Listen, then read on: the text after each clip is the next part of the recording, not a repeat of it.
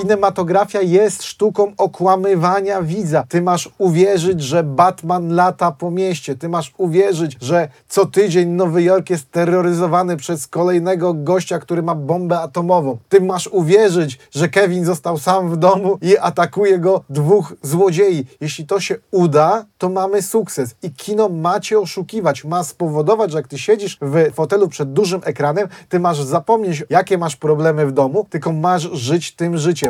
Ta scena, o której teraz mówię, w której e, Harrison Ford jako Indiana Jones chowa się do lodówki, została wyjęta z powrotu do przyszłości z pierwszej sceny, gdzie do przeniesienia w czasie miało dojść właśnie podczas wybuchu atomowego, gdzie tym wehikułem czasu miała być lodówka. Z Nowickim po drodze. Zaprasza Łukasz Nowicki. W cudownym kameralnym kinie Falenica zobaczyłem Napoleona.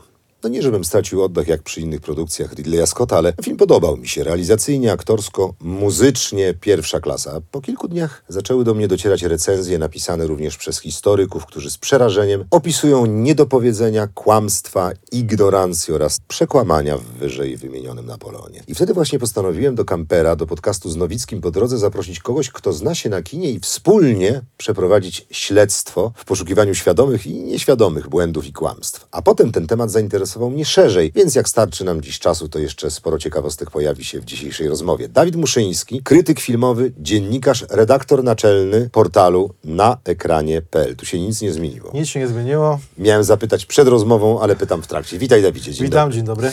Dawidzie, niedługo czterdziestka. Chyba jestem pierwszą osobą składającą życzenia w tym roku. Tak, tak, jesteś e, pierwszą, bo to wiesz, nie, nie odnoszę się z tym 40, to jeszcze ta bariera, gdzie ja walczę ze sobą, że to nie może być tak, wiesz. Jestem jak Joey z przyjaciół, kiedy on krzyczy, dlaczego ja, dlaczego ja, Dla- dlaczego nie inni? Może wybierz innych. W lipcu 23 pękła mi 50. 40 chyba prze, przeżywałem na Kotao w Tajlandii. To taka mała wysepka, którą ci polecam na 40. Mm, Dość imprezowe, fajne miejsce. I ta 40 mnie nie obeszła. 50 obeszła mnie bardzo, ale powiem ci jedno. Piękny czas między 40 a 50. Chyba idealny dla mężczyzny, czyli dojrzałość, odpowiedzialność, wciąż młodość. Powiem ci, że no nie wiem, ja teraz już po 50 czuję czas i wiek, a jak miałem 40, byłem bogiem życia, także mega ci zazdroszczę i życzę ci, żebyś bogiem życia przez te Czekam na całe to bóstwo, jak się był. pojawi w drzwiach, po prostu się wtedy z nim przywitam, misia zbija i pójdziemy razem przez świat. Wszystkiego najlepszego. Skoro jesteśmy przy wieku, przechodzę od razu ym, nie mięciutko, tylko z grubej rury do, do filmu, który, który, który był we wstępie i który jest tylko pretekstem do rozmowy. To nie będzie rozmowa wyłącznie o Napoleonie, tylko Trochę będzie o Napoleonie, trochę będziemy filozofować, jeżeli się na to zgodzisz, no bo ja się nie znam tak dobrze na kinie jak ty, ale lubię filozofować, jak każdy Polak. Wrócę do tego wieku. Ridley Scott, znany reżyser, Obcy ósmy pasażer Nostromo, Gladiator, chyba Helikopter w ogniu, nie? Chyba on, jego brat Tony Scott, no w ogóle to jest w ogóle cała taka e, rodzina filmowców. 86 lat. Ja nie, nie to, żebym wypominał komukolwiek, ani tobie, ani sobie, ani Ridleyowi wiek, ale no nie jest to wiek, który predestynowałby do dużych superprodukcji, także chapeau dla pana Nie no, Scotta. teraz y, kino właśnie znowu robi zwrot w, do tych starszych ym, reżyserów, no bo zobacz sobie, że Martin Scorsese jest prawie że równolatkiem Ridleya Scotta, dalej kręci. Clint Eastwood ma już ponad 90, dalej kręci. Tylko, że zmienił się miejsce, gdzie oni te filmy umieszczają, bo oczywiście one trafiają do kina, ale zobacz, że większość z nich teraz jest sponsorowana przez platformy streamingowe. Irlandczyk, Netflix, Czas Krwawego Księżyca, to jest Apple TV+. Plus. I dlatego też e, pewnie tutaj będziemy mieli pewien rozdźwięk, bo e, dużo błędów, które są zarzucane Napoleonowi, może wiązać się z tym, że my dostaliśmy wersję skróconą w kinie, bo Ridley Scott zapowiedział, że na Apple TV Plus dostaniemy jego reżyserską wersję, która jest dłuższa o ponad półtorej godziny. Nie, nie wchodzę w twoje kwestie rodzinne. Mój tata zmarł w zeszłym roku, też aktor, więc pewnie gdzieś tam kiedyś widziałeś go w jakimś filmie. No ba. 83 lata. Był w dobrej formie intelektualnej, ale fizycznej już trochę gorszej. I zastanawiam się, jak dźwignąć, wiesz, mając prawie 9 dych na karku, tak dużą produkcję. Byliśmy na planach filmowych i ty i ja. Wiesz, jaka to jest ciężka praca.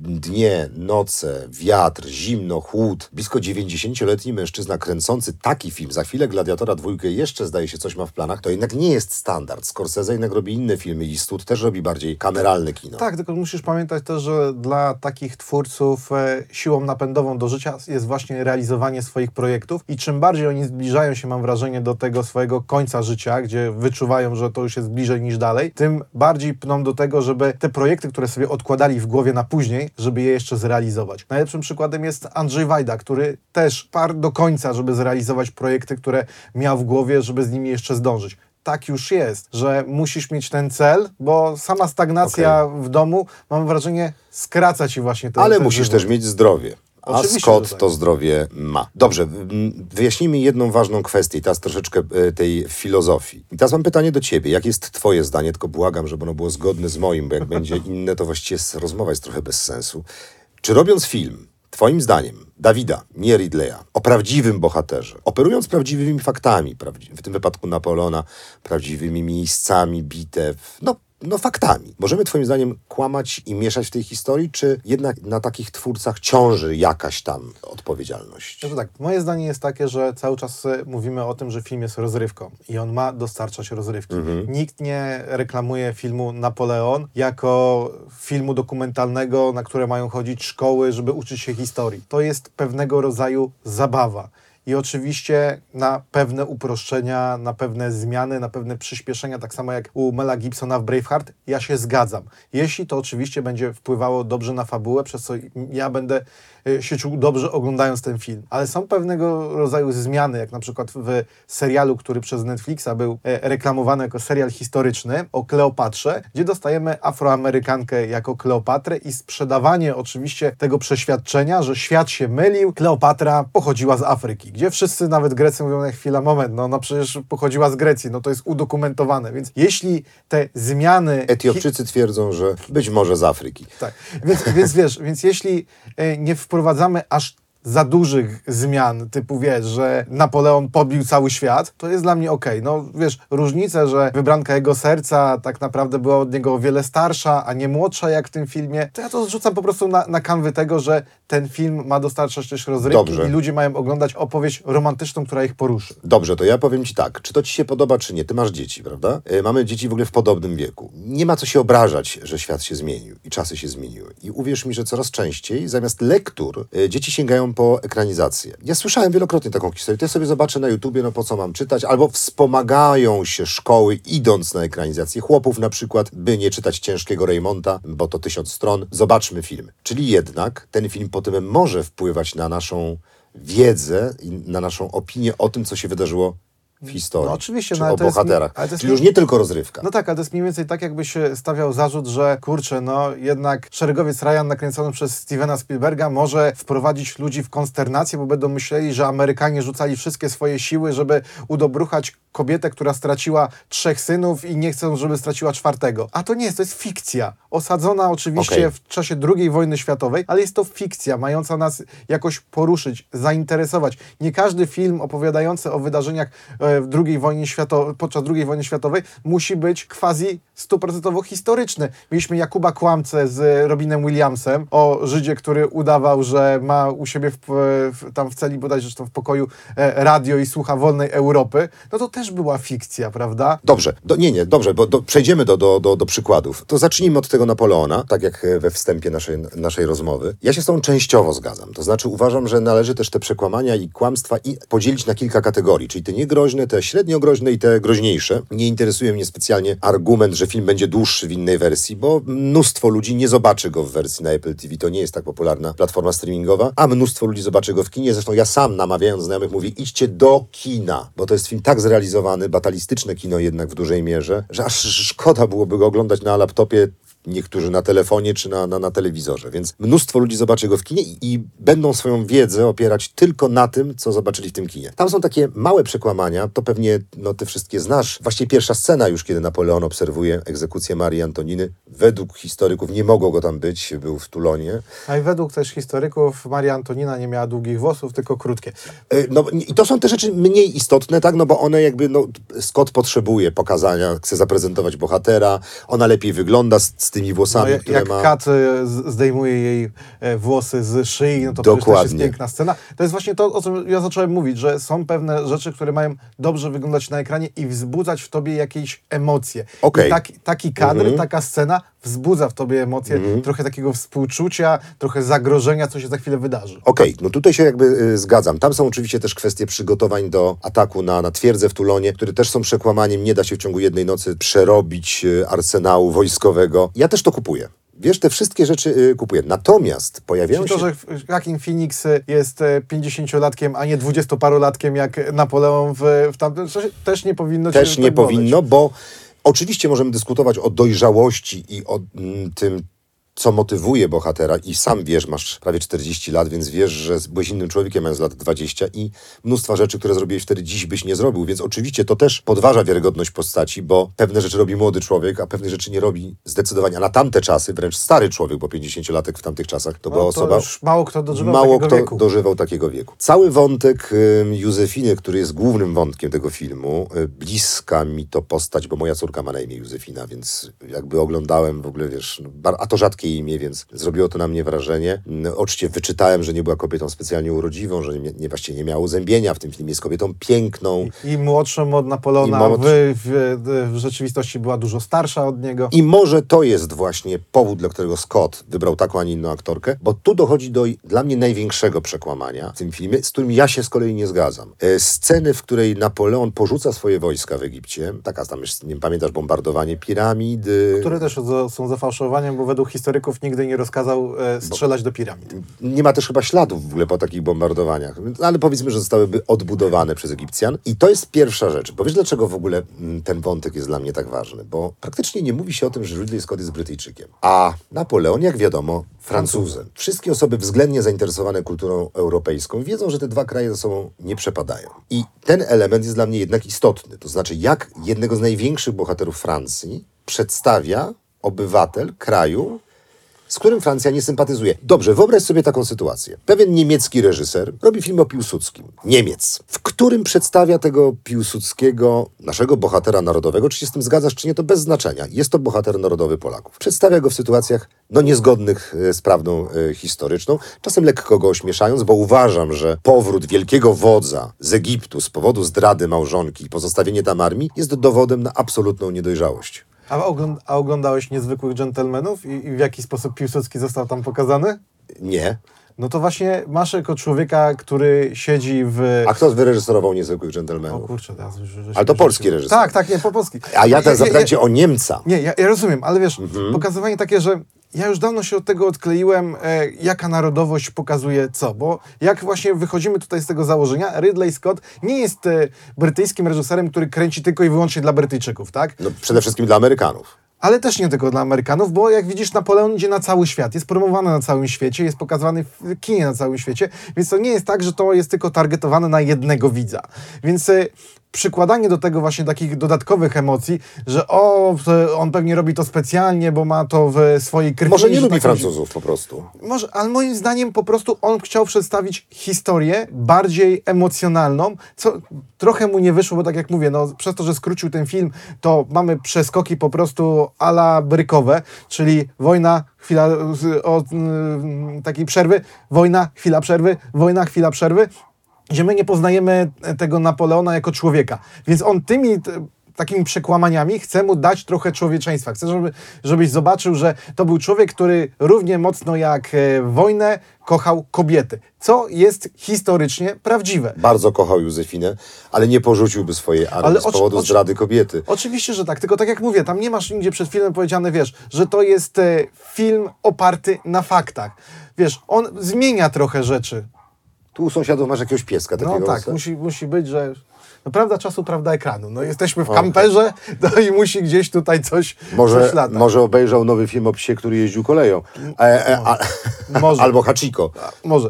Więc Mhm. wracając, wiesz, no problem w- z moim zdaniem z tym wszystkim polega na tym, że za bardzo przykładamy do tego, że każdy film powinien być jak najbardziej poprawny. Przypomnę, że przez takie rzeczy przez y, bodajże chyba trzy lata nie mogliśmy oglądać Czterech Pancernych, bo też przyszło kilku historyków, którzy powiedzieli, że ten film zakłamuje historię. O czterech pancernych chciałem chciałem cię zapytać, za- zakłamuje to jest bardzo delikatnie No tak, powiedziane, ale- no ale tam wie- to już jest drwina z historii. No tak, ale wiesz o co chodzi. No ale to wciąż był serial e, rozrywkowy i Napoleon też jest filmem w moim przekonaniu rozrywkowym. Dobrze. Ludzie nie mają na niego chodzić i uczyć się historii, tylko zobaczyć jakieś inne wydarzenia. Ale wiesz co, wydaje... Dobrze, to ja teraz inaczej. Teraz jak do, jako do krytyka, do znawcy kina, znacznie większego niż ja. Uważasz, że postać Napoleona i ilość pominiętych wątków w, te, w tej postaci, nawet znanych mnie, chociaż nie jestem historykiem i nie jestem fanem tego okresu w historii, ale no trochę wiem. Wydaje mi się, że tam jest materiał na pięć doskonałych filmów zgodnych z faktami. Jak się masz na przykład do tego, że to też chyba o tym rozmawialiśmy przez telefon, no ale to jakby dla was, kochani, nie ma żadnego znaczenia. Pod Austerlitz. Przepięknie sfilmowana e, bitwa e, w filmie. Nieprawdopodobna scena, chyba teraz trochę spoileruję, no ale chyba mogę to powiedzieć, no bo pod Austerlitz Napoleon wygrał. Doprowadzenie do tego, że większość wojsk wroga znajduje się na tafli zamarzniętego jeziora, zbombardowanie tegoż jeziora i ci toną z końmi we krwi. Przepięknie realizacyjnie zrobiona scena. Potem czytam, że pod Austerlitz No też, nie ale- ma jeziora. Ale właśnie o to chodzi. Został osiągnięty pewien Mhm. cel Scotta. Ty masz się zachwycić tym wizualnie.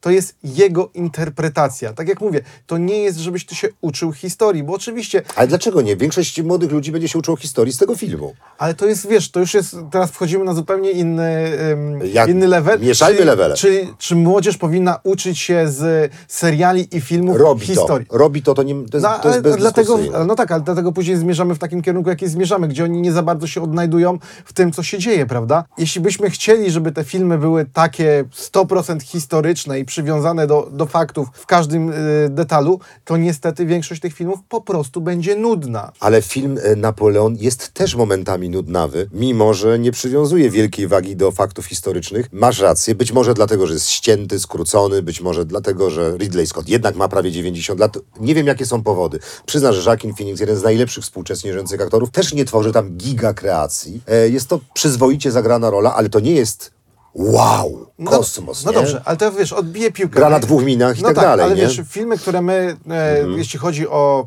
nazwijmy to historię i wojnę, e, bardzo podziwiamy, no to tak, Czas Apokalipsy. No Wielkie to, kino. Ale totalna bzdura historyczna i ty to o tym wiesz. Pluton, to, totalnie, Podobno przeżył. no ale też wiesz, zupełnie bzdura. Braveheart, nagrodzony tyloma Oscarami i powtarzany tyle razy w każdej polskiej telewizji i ludzie uwielbiają ten film Mela Gibsona, no jedna wielka bójda. Ale poczekaj, w czasie apokalipsy nie mamy tak znaczącej postaci jak Napoleon. W Plutonie y, też, y, no, zwróć uwagę, że wymieniasz filmy. Napoleon jest postacią ważną dla William kultury Wallace, światowej. Ale William Wallace, wiesz, jest No też, też. Wielką, wi- wielką postacią, jeśli chodzi o, o Szkotów i tam nic się praktycznie nie zgadza. No, nawet to, że on z tą księżną niby ma dziecko, to ja tylko ci przypomnę, że jak on umierał, to ta księżna miała 10 lat. Nie ma żadnej możliwości, żeby on ją zapomnieć, żeby się w ogóle spotkali. Ale dla potrzeby filmu ona No malują się na niebiesko, mają ki- kilty, no, których y, nie ma w tamtych no czasach. No. Więc widzisz, więc to się Mhm. wszystko łączy. Już y, nie wspominając o tych czterech pancernych. Wiesz, ja tak mogę ci wymieniać filmy,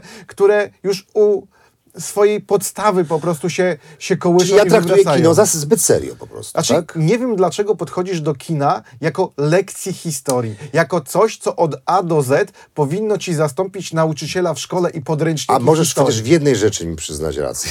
Zmuszam cię teraz, chociaż odrobinkę.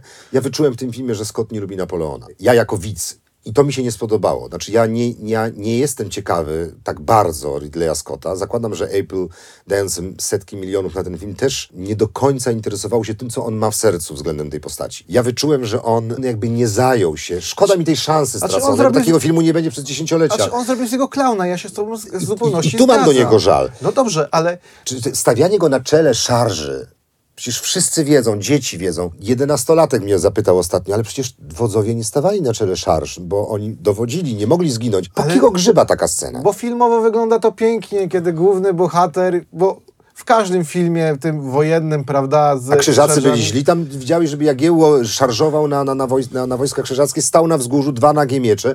No, Okej, w porządku. Filmowo ładnie, ale dla mnie film jest, jest nie tylko nie, niechlujny i nie tylko manipuluje historią, ale ma też w sobie, ma też w sobie bardzo, proszę, woda specjalnie dla Ciebie, jest też gazowana, jakbyś Nie, nie. Jest też dla mnie pewnym wyrazem osobistych, ja to wyczułem w tym filmie, być może niesłusznie, antypatii reżysera i to mnie zabolało. Ale może tak być, oczywiście, wiesz, może on go gdzieś tam nie lubi, może on ma do niego neutralne podejście, a Mhm. e, pan Phoenix nie przepada za Napoleonem, bo to przecież on też dużo do tej To prawda. roli wniósł i on przez niego interpretujesz. Ale nie tak odpowiedziałeś mi, a co jakby Niemiec zrobił film o Piłsudskim? Wiesz co? Ale taki, wiesz, taki właśnie pomijający fakty. A czy wiesz, pewnie bym się czuł tak jak teraz, y, wiesz... Ja nie mam nic przeciwko Niemcom, ja tak specjalnie stere, stereotypizuję. No słuchaj, no pewnie czułbym się wkurzony i niezadowolony, tak jak wiesz, e, mieszkańcy Egiptu nie byli zadowoleni z serialu e, o K- Kleopatrze i tak samo jak bodajże tam e, Tunezyjczycy czy Turcy nie są zadowoleni z nowego filmu Hannibal, o Hannibalu, gdzie ma go zagrać Denzel Washington. Wiesz, ja to rozumiem, ale z drugiej strony też nie podchodzę do tego jako lekcji historii. Oczywiście takie zakłamy, takie mocne zakłamywanie, jak przed chwilą przytoczyłem, to tutaj już mojej zgody nie ma, ale na interpretację, jak dany człowiek się zachowywał i twoje a, antypatie czy, czy spo, spojrzenia pozytywne do niego, to już jest, wiesz, to już jest Okej. spojrzenie Ridleya Scotta. Ale tak jak mówię, bardziej, wiesz, boli mnie to, że ludzie zaczynają nie patrzeć na ten film pod względem artystycznym właśnie i wiesz, nie zachwycają się tymi walkami, tylko mówią, o, to, to, to, to tak nie wyglądało. A ja wciąż mówię, ten film nie ma zastąpić ci wykładowcy historii, nauczyciela historii. To nie ma być tak, że dzieci przyjdą do e, szkoły na lekcję i nauczyciel powie, dobrze, a teraz oglądamy Napoleona, a ja sobie poczytam gazetę. To nie o to chodzi. Rozumiem. Tu chodzi po prostu o rozrywkę. Ta rozrywka będzie dostarczona i moim zdaniem w dużej mierze została dostarczona. Tu się z tą zgadzam, tak. Mi się film podobał. Potem rzeczywiście, czytając y, recenzję Napoleona, zraziłem się, ale pamiętam sam moment wyjścia z kina, wychodziliśmy z Olgą zadowoleni. Zawo- zadowoleni po filmie. No, I o to chodzi. Ja wiesz, ja rozumiem, że jest bardzo duża rzesza ludzi, które chciałaby, Bóg wie czego, żeby to wszystko było poprawne, ale to jest ta sama grupa ludzi, mniej więcej, która krzyczy do e, reżyserów, zrób trzeci, trzecią część, nie wiem, e, zrób trzecią część psów, po czym dostają tą trzecią część psów i ona nie jest w stanie spełnić ich wymagań. I mam wrażenie, że niekiedy podejście do na przykład Ridleya Scotta, do Scorsese, czy kiedyś do Wajdy, było takie, że już przy samym wejściu ludzie mieli ogromne wyobrażenie na temat tego, jakie te filmy będą. Nie czepiali się, zobacz, takich niedoskonałości, takich zafałszowań historycznych w Gladiatorze na przykład, który też je, można było powiedzieć, że jest filmem historycznym, tak? No tak, ale bohater rzeczywiście nie był. No to tu chodzi o bohatera. Ja myślę, że to się bierze z tego, że to jest Napoleon, tak? A mi się wydaje, że Dla Polaków też bardzo ważny, tak? No, ma swoje miejsce w naszym hymnie. Więc też sądzę, że stąd się to bierze i też należy to zrozumieć. Myślę, że można Tak, to zrozumieć. Że- tylko, że- Napoleon to nie gladiator. Tak, tylko że Maximus. Ridley Scott nie tworzy filmów dla historyków, tylko dla przeciętnych ludzi, którzy Okej. chodzą do kina i tak jak powtórzę jeszcze raz, chcą rozrywki. I moim zdaniem tą rozrywkę dostali. Ale rozumiem, że są dla ciebie pewne granice y, w kinie. Chciałbym zostawić już. y, Tak, nie, są- pewne granice w kinie, których nie chciałbym, żebyśmy przekraczali. No, nie chciałbym, żebyśmy e, oglądali, nie wiem, azjatyckiego Hitlera tylko po to, żeby ktoś e, wzbił się na kontrowersji, że o tutaj tak zmieniliśmy, bo bardzo często mam wrażenie, że takie drastyczne zmiany w filmach nazwijmy to quasi historycznych, są tylko po to, żeby świat o tym mówił, żeby mieć ten darmowe pub- publicity i żeby było głośno na świecie o danym projekcie. Już pal 6 na temat tego, jaki on jest jakości. Żeby tylko na tej taniej mm, kontrowersji zyskać Jasne. trochę pieniędzy, wskoczyć w te algorytmy e, social mediów, żeby to trendowało. No zgadzam się z tą, ale też, no dobra, jeszcze nie, nie, No to- po, to- nie, nie porzuciłbym też jakby wagi kina. Znaczy ja rozumiem, że dla ciebie, żeby traktować film poważnie, powinno być napisane na początku oparte na prawdziwej historii. dokładnie tak. I wtedy możemy już mieć I wtedy, pewne i wtedy uwagi, siedzę tak? i rozliczam. Wiesz, e, ostatnio mieliśmy bardzo fajny serial e, komediowy Netflixa 1670. No, O- Mieliśmy, ja go mam, ja no, go właśnie oglądam. No tak, no, ale Cudowny. to, to, to właśnie, no to wiesz.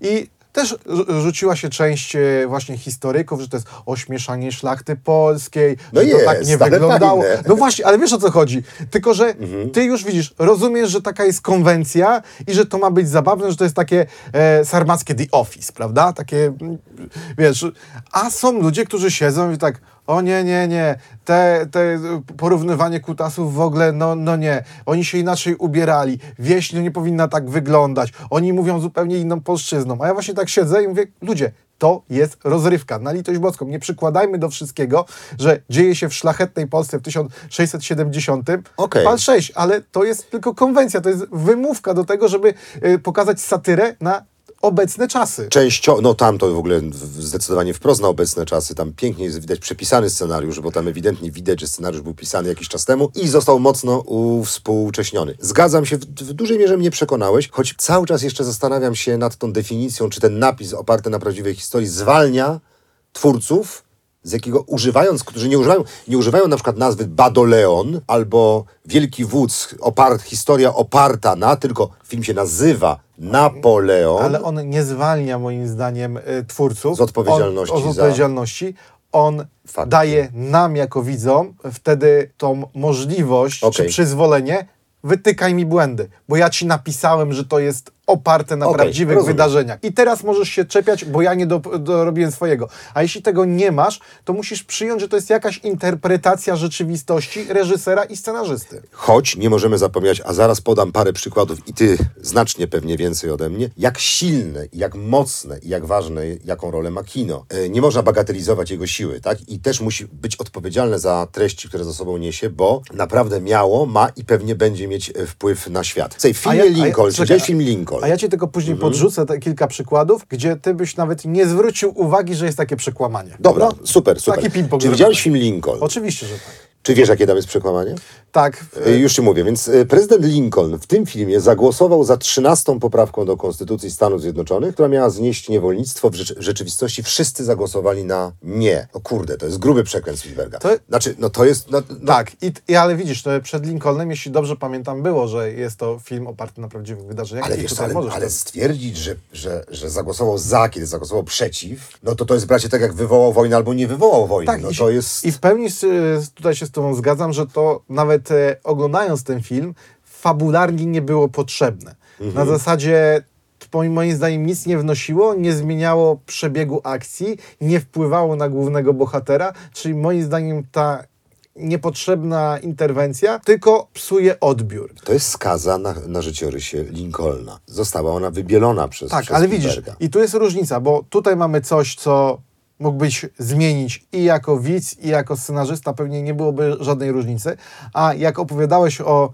jeziorze w, w Napoleonie, no to jednak tutaj miałeś pewien walor, to pięknie wyglądało, miało jakiś wpływ na ciebie jako odbiór. Wybitnie Tak. zrealizowane. A w Lincolnie nie. I właśnie to, to też jest jeden przykład, który miałem na, na swojej liście, że tutaj wybielenie głównego bohatera jest zbędne, bo i tak na koniec będziesz miał go jako człowieka, który w pewnym momencie swojego życia zrobił tą woltę i był za zniesieniem e, niewolnictwa. Ale nie było takiej potrzeby, żeby pokazywać go jako człowieka, który od początku był tej myśli, bo nie No, był. Takie założenie miał reżyser. Ciekawe, ciekawe dlaczego. Jak rozmawialiśmy przez telefon, obaj krzyknęliśmy Enigma, no bo to już jest gruba akcja. Nie? Ale, I to, ale tam widzisz, tam, i znowuż, tutaj mamy wiele przekłamań, bo po pierwsze, mamy ten film Enigma, o którym tutaj mówimy, to jest z Benedyktem Cumberbatchem, A tak? jeszcze jest taki film Gra Tajemnic, nie? Też, wiesz, i problem polega na tym, że mam wrażenie, że złamanie tego szyfru w filmie z Benedyktem było tylko tłem do tego, żeby pokazać, jak Wielka Brytania traktowała swoich bohaterów, którzy okazywali się homoseksualistami, ponieważ oni tam byli skazywani na więzienie z automatu. I całość tego wymiaru historycznego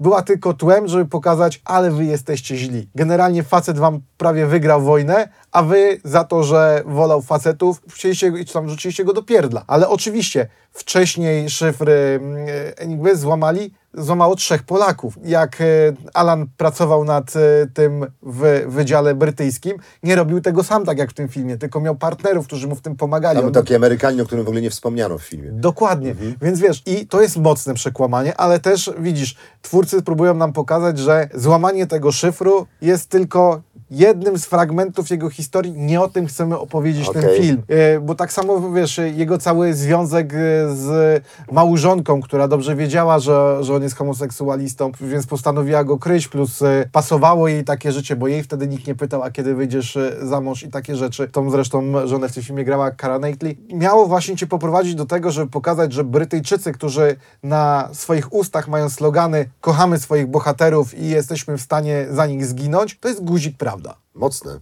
No ale tak, taki jest wydźwięk tego filmu. Ty mówisz o, Bryty, o Brytyjczykach, ale tutaj siedzący na, na tej kanapie Bogusław Wołoszański był wściekły, bo, bo Brytyjczycy w ogóle mają taką umiejętność dbania o własną historię, wiesz, przypisywanie sobie cudzych zasług, a mówił, że ma żal do nas, Polaków, do nas, że my, kiedy zrobiliśmy coś, nasi rodacy zrobili coś w skali świata znaczącego, nie potrafimy o to zawalczyć. Że oni zabierają nam historię po prostu. Ale my w ogóle nie potrafimy walczyć o swoją historię, bo zobacz, że filmy, które powstają, najczęściej opowiadają o naszych klęskach. Och, ona, o chętnie tym, obchodzimy o, o rocznicę tym, klęsk. Tak, o tym jak my wewnętrznie się kłócimy. Nie Mhm. potrafimy, tak jak Amerykanie czy Brytyjczycy, nawet w nawiązaniu do naszej rozmowy, zmyślić jakiejś historii, pokazać... Nie, fakty, Tak, nie? nie, nie istniejąco, wiesz, jak y, Inglourious Bastards, tak? Czyli Bękarty Wojny. Żeby Fajne kino. Tak, ale żeby wymyślić sobie takich, wiesz, bohaterów, którzy, wiesz, tam nazistów będą rozwalać, to mam właśnie... Ten czołg też, Furia, tak? Tak. To jest podobna Do- historia. dokładnie, ale mam właśnie wrażenie, że gdybyśmy zrobili taki film, to właśnie rzuciliby się wszyscy polscy historycy i powiedzieli, że tak historii Polski nie można pokazywać, bo to jest kłamstwo. I mam wrażenie, że u nas twórcy, ci młodsi, którzy teraz dochodzą dopiero do głosu, zaczynają te, te historie trochę zmieniać, zaczynają to odkłamywać, zaczynają w popkulturze bawić się historią, czego bardzo dobrym przykładem jest e, Kos Pawła Maślony, opowiadający o powrocie Kościuszki w taki właśnie sposób Quentina Tarantino. I tego mi w naszym kinie brakuje, że my jak o wojnie e, pierwszej czy drugiej opowiadamy, to to musi być na serio, to musi być z patosem. Tam nie ma żadnego miejsca na to, żebyśmy wprowadzili trochę humoru. Broń Boże się z czegoś zaśmiać. W 1670, wspomnianym przez Ciebie dzisiaj serialu chyba, pada parokrotnie zdanie, jestem najbardziej znanym Janem Pawłem w historii Polski. No to, no to też świadczy o odwadze. 20 lat temu nie do pomyślenia w Polsce. No właśnie, więc widzisz, Mhm. ale to też masz, wiesz, pan Buchalt, który jest jednym z reżyserów i pomysłodawców Mhm. e, tego serialu, to też jest młody człowiek, bo po prostu mam wrażenie, że starsi twórcy, u nas reżyserzy, którzy mają 50-60 lat, mają gdzieś w tym swoim DNA zakorzenione, że tego nie wolno, że jeśli opowiadamy o historii, to ona musi być podniosła, ona musi nas boleć. Jak wychodzi widz z kina, to on ma wychodzić straumatyzowany. Jak ja wychodziłem z szeregowca Ryana, nie byłem straumatyzowany. Ja płakałem, ale tam był happy end na końcu. W sensie, że, no happy end, no, nazwijmy to Tom Hanks, który z, z całą swoją rodziną oddaje cześć swoim kolegom. No to może przesadziłem z tym happy endem, ale jednak jakiś ten promyk nadziei, prawda? E, Ten amerykański patriotyczny duch, to Tak. Istut też tak, jest specjalistą. no właśnie, a u nas to musi być trauma.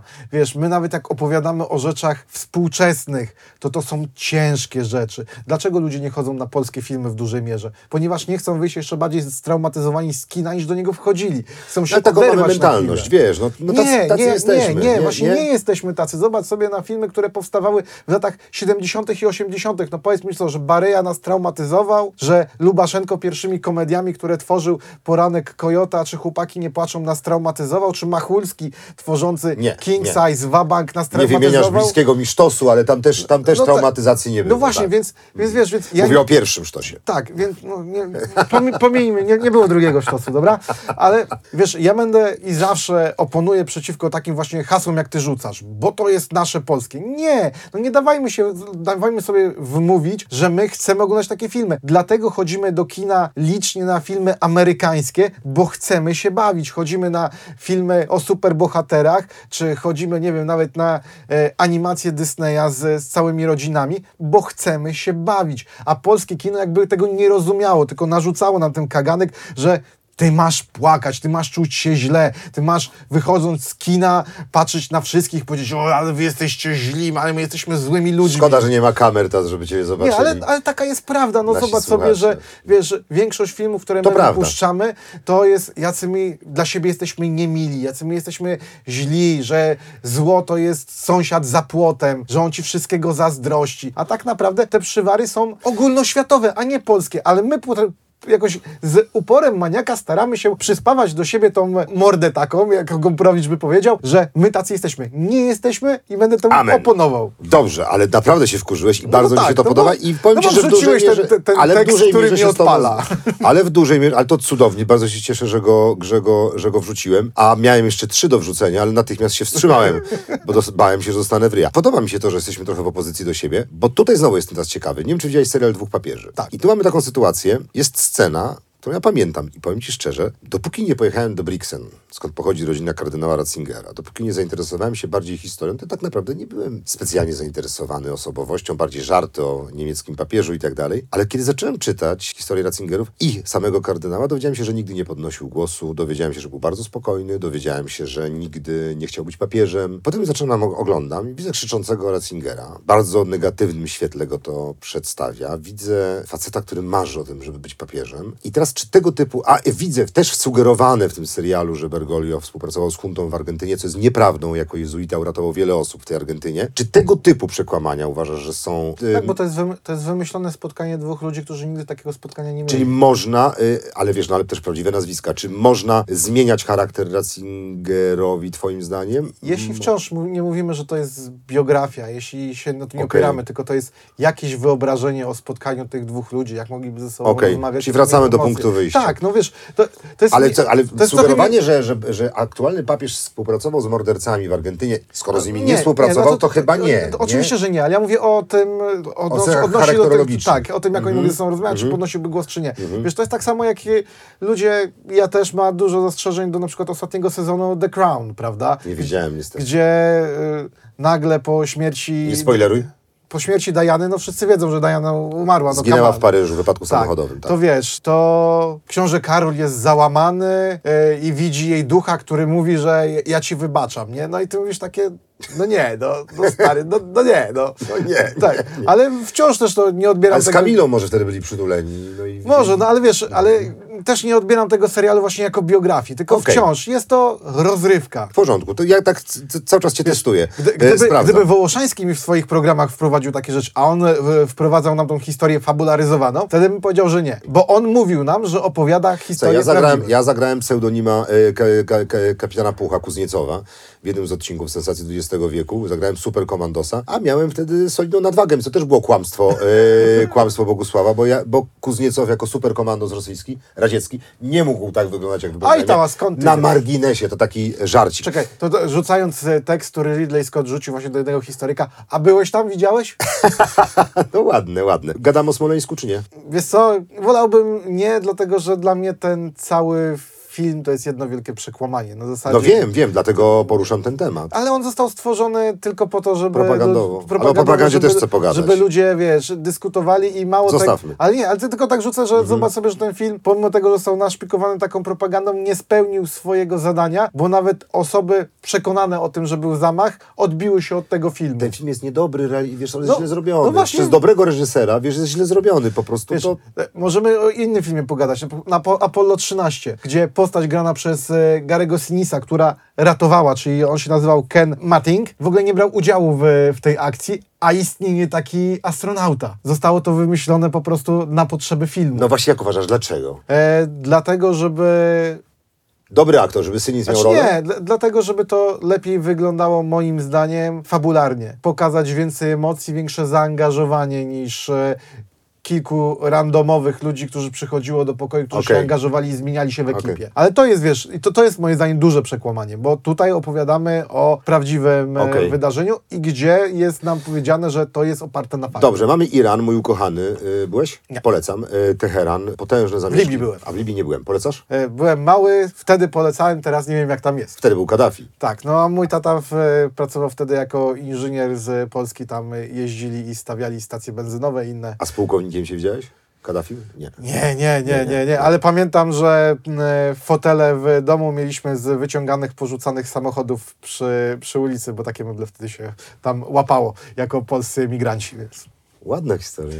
I kupowało się też e, bardzo zielone banany i trzymało w pudełku, aż, e, Dojrzeją. aż dojrzeją. E, a co, tańsze były? E, Znaczy nie, no po prostu wiesz, e, tam ciężko było takie rzeczy, więc Jak się pojawiało, jak się pojawiało, to się kupowało co jest, a też nie mogło to za dużo, za długo na tych straganach leżeć, więc ludzie po prostu brali póki jest świeże i chcieli, A żeby jak to... długo mieszkałeś w Libii? E, znaczy mój tata był tam dwa lata, ja spędziłem tam chyba trzy miesiące, spędziłem tam e, Święta Bożego Narodzenia, gdzie nie wiedziałem że są święta Bożego Narodzenia, bo po prostu zostało mi powiedziane, że 20 dzisiaj... parę stopni. Tak, że dzisiaj Wigilia i Święty Mikołaj może zastukać do naszych drzwi i zostawić prezent. A ja tak patrzyłem, jaki Święty Mikołaj, jakie święta Bożego Narodzenia? Przecież ja tu latam w krótkich gaciach. Nie zgrywało ci się, Tak, tak. a byłem w przedszkolu, wtedy jeszcze bardziej nie rozumiałem o co chodzi. Inne strefy czasowe, inne klimaty, to w ogóle... Wróćmy do Iranu. Teheran, zamieszki pod ambasadą Stanów Zjednoczonych e, z film Operacja Argo. Zresztą niedobry film, ale to już jakby znowu, znaczy, przepraszam, wycofuję. Ben Afflecka. E, tak. Ja Świetny thriller. e, przepraszam też małżonkę moją, jeżeli będzie nas słuchać, bo ona bardzo nie lubi, kiedy ja mówię niedobry film. Moim zdaniem niedobry film. Nie podążałem za bohaterami, nie wzruszył mnie i tak dalej. Ben Affleck. I tam, y, no, gloryfikacja CIA totalna. Wiadomo z historii, że, że, że amerykańskich dyplomatów wyciągnęli Kanadyjczycy, którzy są całkowicie w tym filmie pominięci. Czy to jest dla ciebie akceptowalne, czy nie? Czy znowu znamy stosunek Amerykanów do Kanadyjczyków? Wiesz co, dalej. Bo to już, wiesz, to już nie jest rozrywka. No, to wydaje- mi się- gloryfikowanie Tak, CIA. Nie, wydaje mi się, że tutaj Ben Affleck po prostu zrobił bardzo duże nadużycie i to nie jest dla mnie okej. W sensie tak samo jak nie jest dla mnie okej, że w Enigmie nie zostaliśmy wspomnieni, że Polacy jako pierwsi Mhm. e, to złamali. Jeśli by umniejszył Kanadyjczykom, a wybił Amerykanów, wtedy nie miałbym z, tego pro, z tym problemu. Pominięcie jest ale przegięciem. tak, pominięcie jest przegięciem, ponieważ no, nie odbierajmy ludziom, że tam byli. Wiesz, jeśli chodzi o I zaangażowanie... ponieśli największe ryzyko, wiesz. Tak, no. ale mówię, przy, przy takich rzeczach, wiesz, moglibyśmy wtedy dyskutować, czy ich zaangażowanie było, było większe, czy mniejsze, ale byli. Jeśli ty kompletnie wycinasz, to tutaj już jest e, ta e, granica, o której rozmawialiśmy, gdzie mojego przyzwolenia na to nie ma. Możemy się Okej. bawić tą formą, możemy sobie przeskakiwać i trochę bajdurzyć, ale nie wymazujmy ludzi z historii.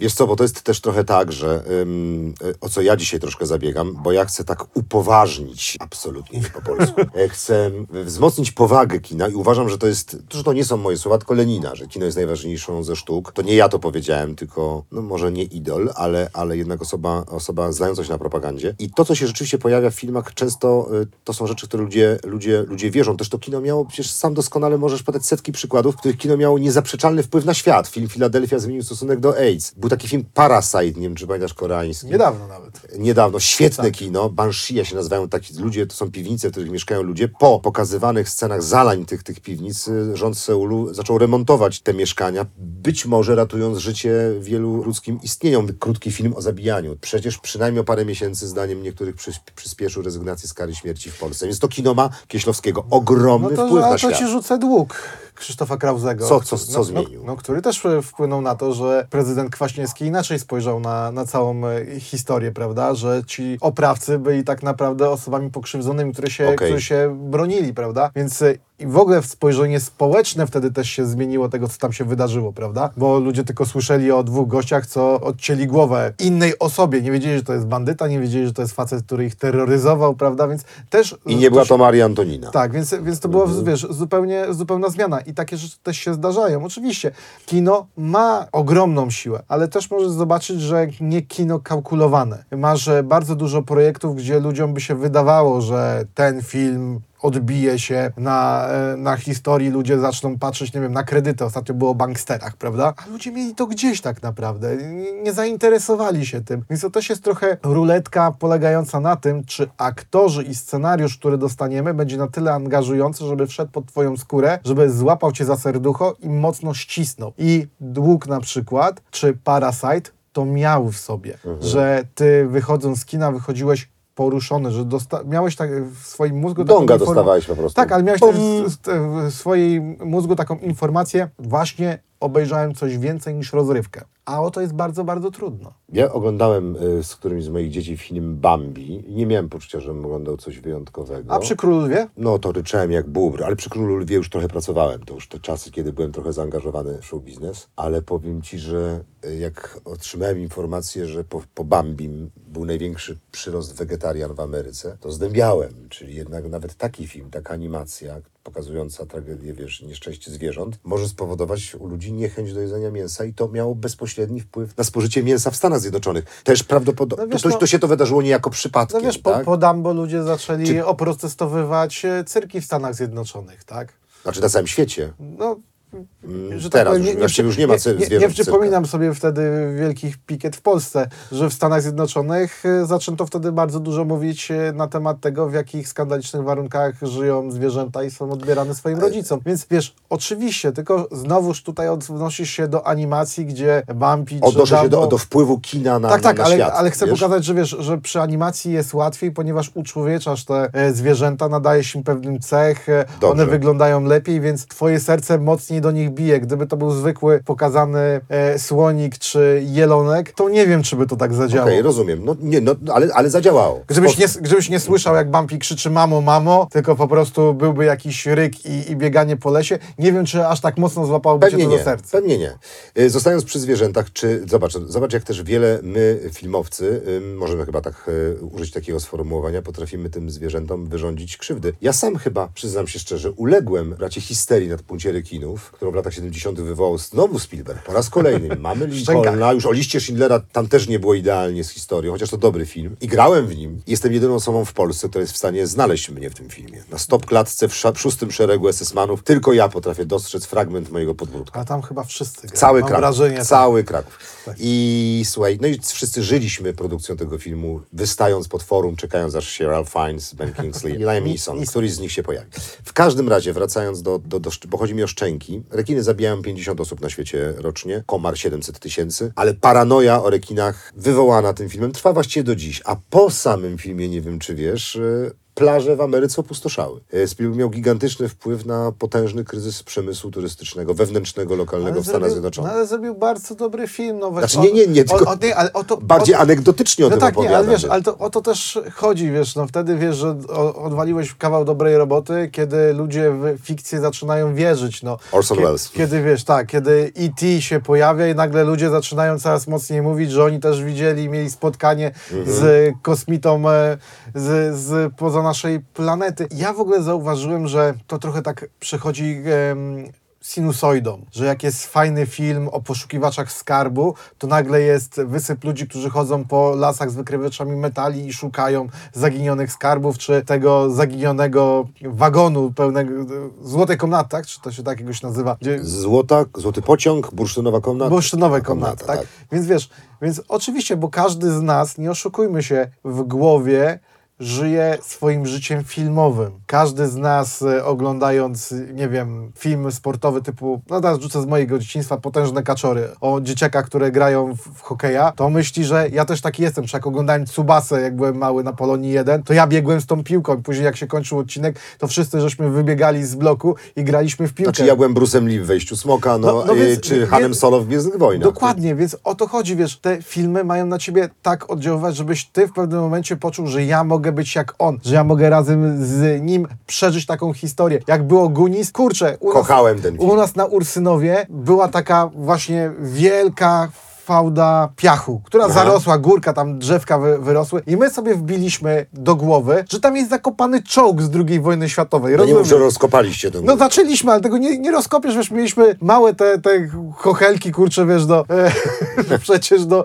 do piaskownicy. I nawet teraz jak się przychodzi, to jest tam taki kawałek rozkopany mocno, bo to nigdy, wiesz, nie zostało napełnione, ale uwierzyliśmy, że oni znaleźli statek, a my znajdziemy czołgi, na pewno, przecież to jest wielkie, ogromne, na pewno musi coś sobie skrywać. I nikt z nas nie myślał, że to jest po prostu po wykopie z bloku, kiedy stawiali za komuny. Dobra, czołg. Wspomniałeś dzisiaj czterech e, pancernych i psa. E, Rudy ja, 102. Ja już widzę, że cię nie przekonam, em, ale bo ja, bo ja powiem ci szczerze, że mam kłopot. Nie? Znaczy, bo ja oczywiście troszkę na potrzeby naszej rozmowy jestem tak w tej kontrze do ciebie, bo częściowo się z tą zgadzam. Choć chciałbym, żeby, żeby, żeby reżyserzy byli odpowiedzialni, bo uważam, że kino ma duży wpływ i ludzie naprawdę czerpią swoją wiedzę również z kinematografii, tak jak uważał Lenin, a nie tylko z książek czy, czy, czy, No czy z wtedy- dokumentów. no ale to wtedy nie powstałyby takie filmy, Nie, jak, no- nie wiem, czekaj, ale Piraci z Karaibów by nie powstali. A to, No to, że je jabłko, którego wtedy nie było, to głupota przecież. No ale nie, no by powiedzieli, że nie, no piraci to nie byli wtedy aż tak, wiesz, No nie, rozległą ale- ale grupą, teraz, która nie, pływała. Teraz, teraz trywializujesz. No, nie, ale, nie, no chodziło ale mi ja o poważne przekłamania Ja, tak, ale ja ci No co, pokazuję, jeżeli- że ta linia jest naprawdę naprawdę Mówisz- tak ruchoma, że ludzie będą ją później przesuwać. Wiesz, co wojska Związku Radzieckiego zrobiły we wrześniu 1939 na terenie wschodniej Polski? Kobiety nie bały się niemieckich żołnierzy, bardziej bały się rosyjskich żołnierzy, radzieckich. Cały czas, cały czas popełniam ten błąd.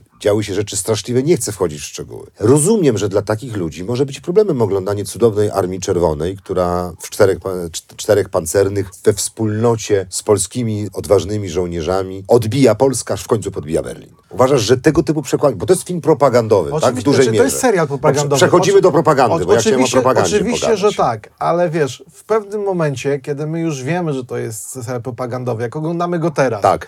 to ja to odbieram po prostu jako fikcję. No tak samo jak właśnie Inglorious Busters, tak?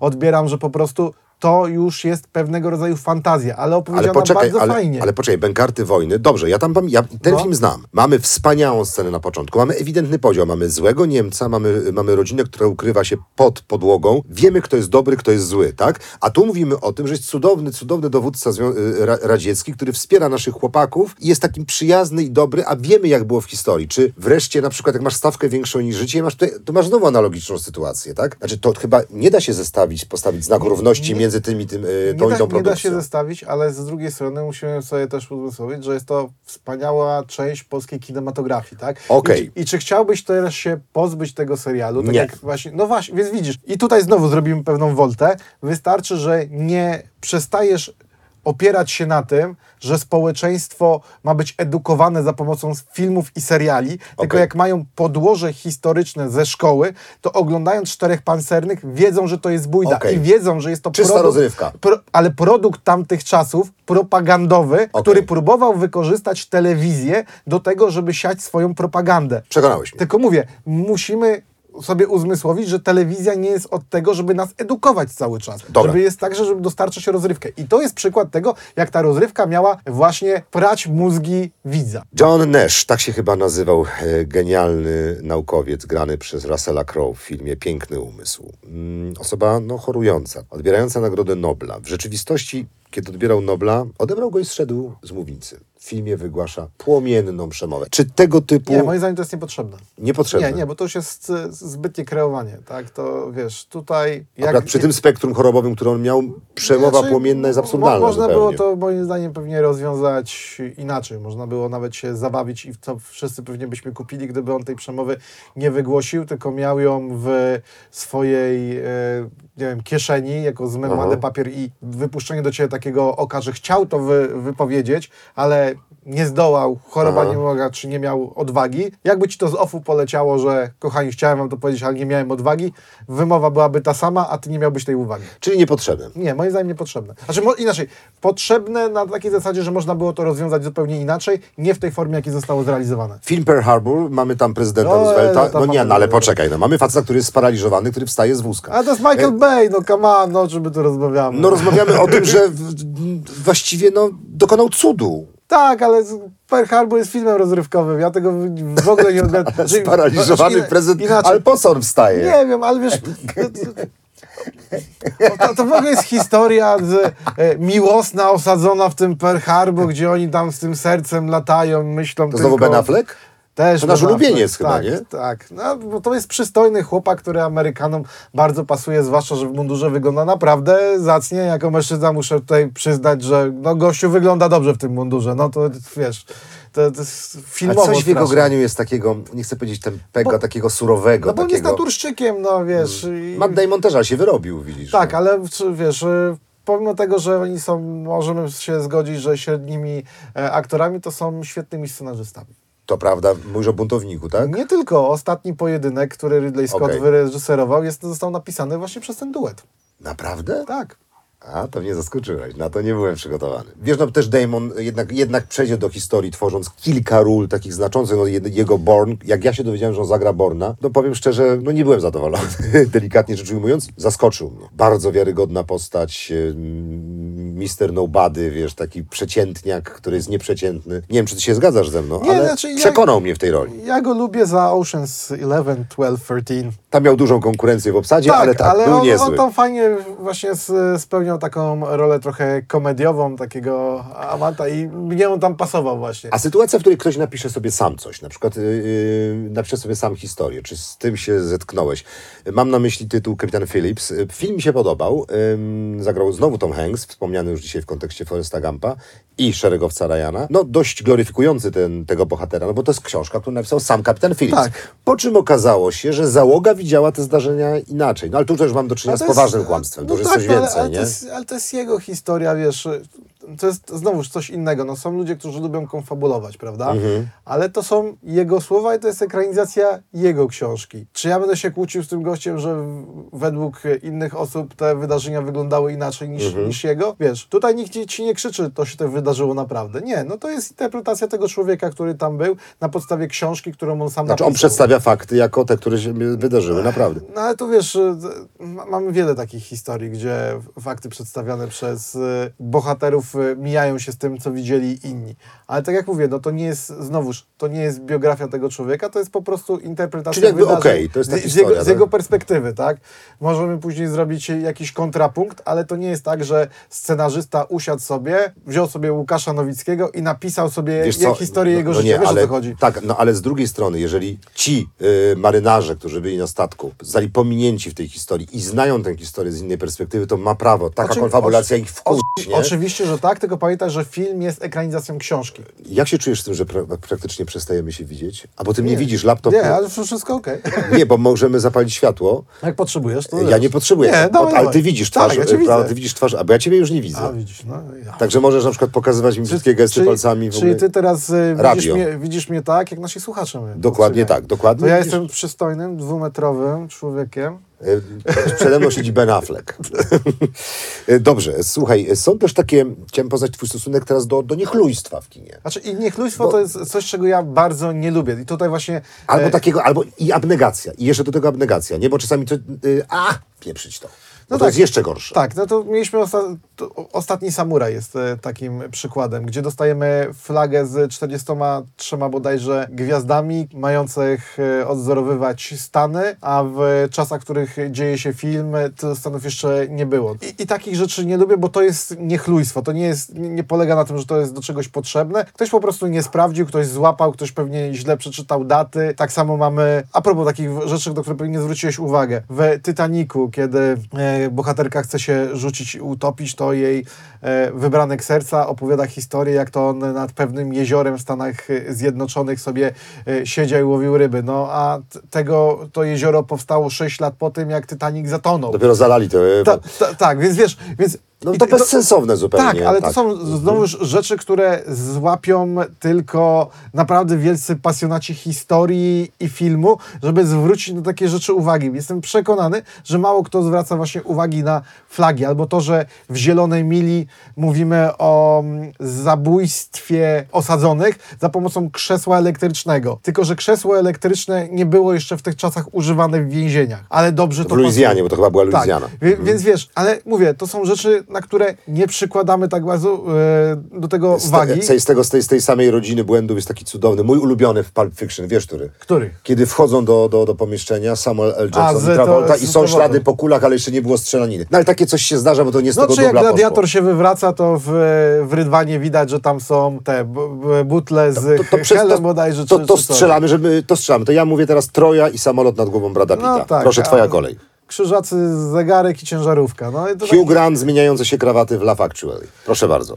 Dobra, czekaj, lecimy dalej. E, znowu, Tańczący z wilkami. Nie, znowu gladiator w Maximus leży, umiera, a pod jego głową widać małą poduszeczkę. Ojej, ale o głowę Rasela się dba. To akurat mi się bardzo podoba. Cudowne są obroże na wilkach, na, na, na, na, na szyjach wilków w tańczącym z wilkami. Wilki, jak wiadomo, są dzikie w tym filmie, mają obroże i tam też są linie wysokiego napięcia. No taki częsty błąd. A, e, a w w Ocean's. Eleven bardzo często w O. kasynach e, zmienia się ilość drinków w szklankach, bo tak często były powtarzane niektóre ujęcia. A to ja na to nie zwróciłem uwagi. To jest, Ale właśnie, ale widzisz, ale mało kto na to zwraca uwagę tak a naprawdę. trampki w Kowadis widziałeś? Mało tego, ja w Marii Antoninie widziałem e, trampki, jak jest e, pokazanie stopy głównej bohaterki pod stołem. Konwersy? Tak, to, to, to leżą. A może były w tamtych czasach? Nie było, nie było.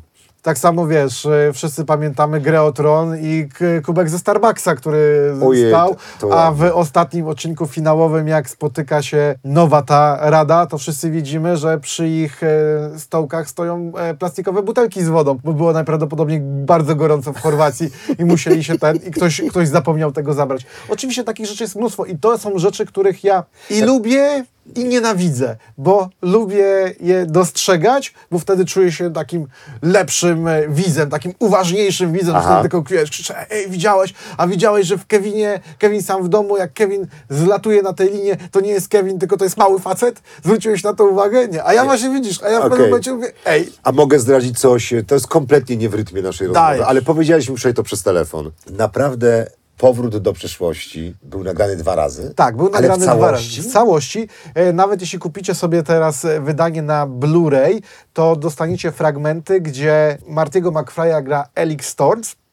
Znany E, aktor, taki rudy, tak? Tak. I on na początku grał, źle przeszedł testy. Na zasadzie ludzie powiedzieli, że nie jest zabawny i ten film jest po prostu nudny. Był zrobiony recast i niektóre sceny zostały nagrane jeszcze raz, na którym go widać, a niektóre sceny zostały z poprzedniego filmu, na których... No nie widać, no to na to nie zrozumiałe, widać, szerokie tak, plany jakieś. tak, to, albo na których y, na przykład Doc Brown do niego mówi i nie słychać odpowiedzi. Mało tego, ten film dlatego jest kręcony w nocy, w- praktycznie w całości, dlatego że Michael J. Fox miał wtedy kontrakt y, na serial y, Days of Our Lives, gdzie nie chciano go zwolnić, więc on miał Cudowna czas historia. tylko wieczorem, nagrywano to w nocy. Mało tego, jego po zakończeniu zdjęć podobno ochrona nieprzytomnego z samochodu przenosiła do łóżka, do domu, bo po prostu faceta odcinało. Był tak przemęczony. No ale dostaliśmy jeden z najlepszych moim zdaniem filmów ever. No ja nie jestem w stanie się przyczepić do czegokolwiek w Powrocie do przyszłości. Nie jestem w stanie sobie wyobrazić, żeby zrobiono remake tego filmu. No ja Erika Stolca sobie nie mogę wyobrazić w tym filmie.